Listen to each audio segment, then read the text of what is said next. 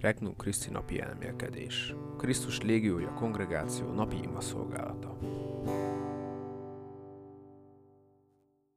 Pásztorok a nyáért. 2023. június 18. Évközi 11. vasárnap.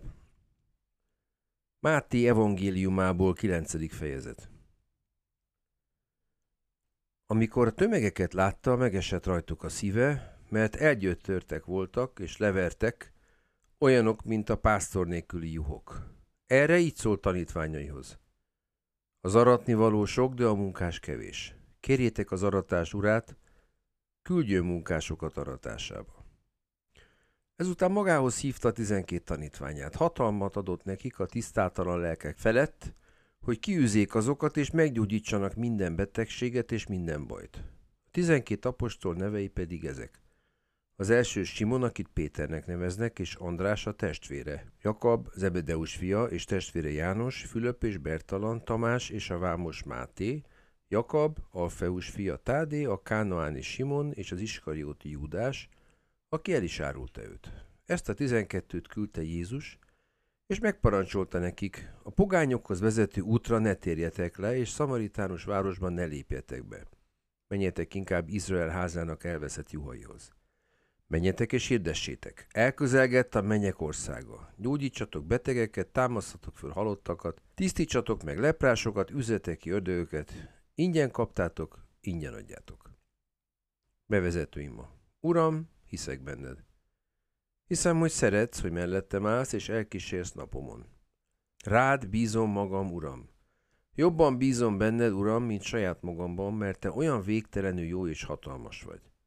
Szeretlek, Jézus, szeretlek, mert meghaltál a kereszten, hogy megments engem. Kérés. Uram, mondd meg, mit szeretnél tőlem.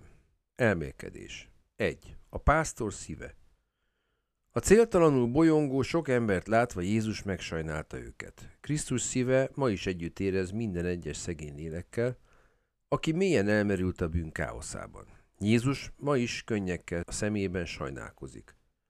Az aratni való sok, de a munkás kevés. Ő azonban nem elégszik meg ezzel a fajta probléma felfogással, hanem megoldást keres.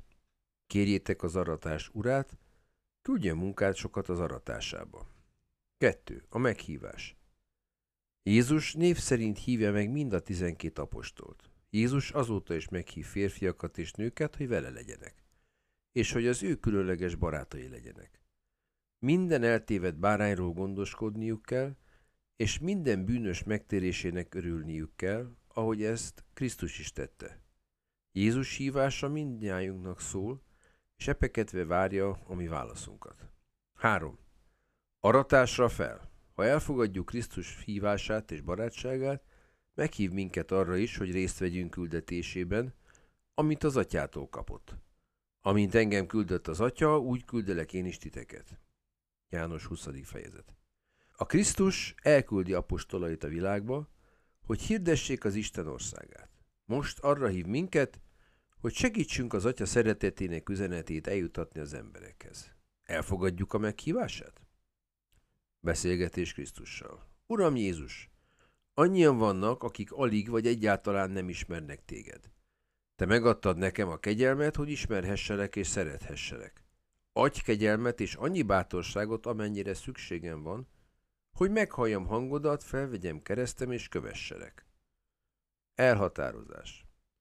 Azért imádkozom, hogy mindenki, akit az Úr meghívott a papi vagy a megszentelt életre, bátran tudjon válaszolni erre a hívásra.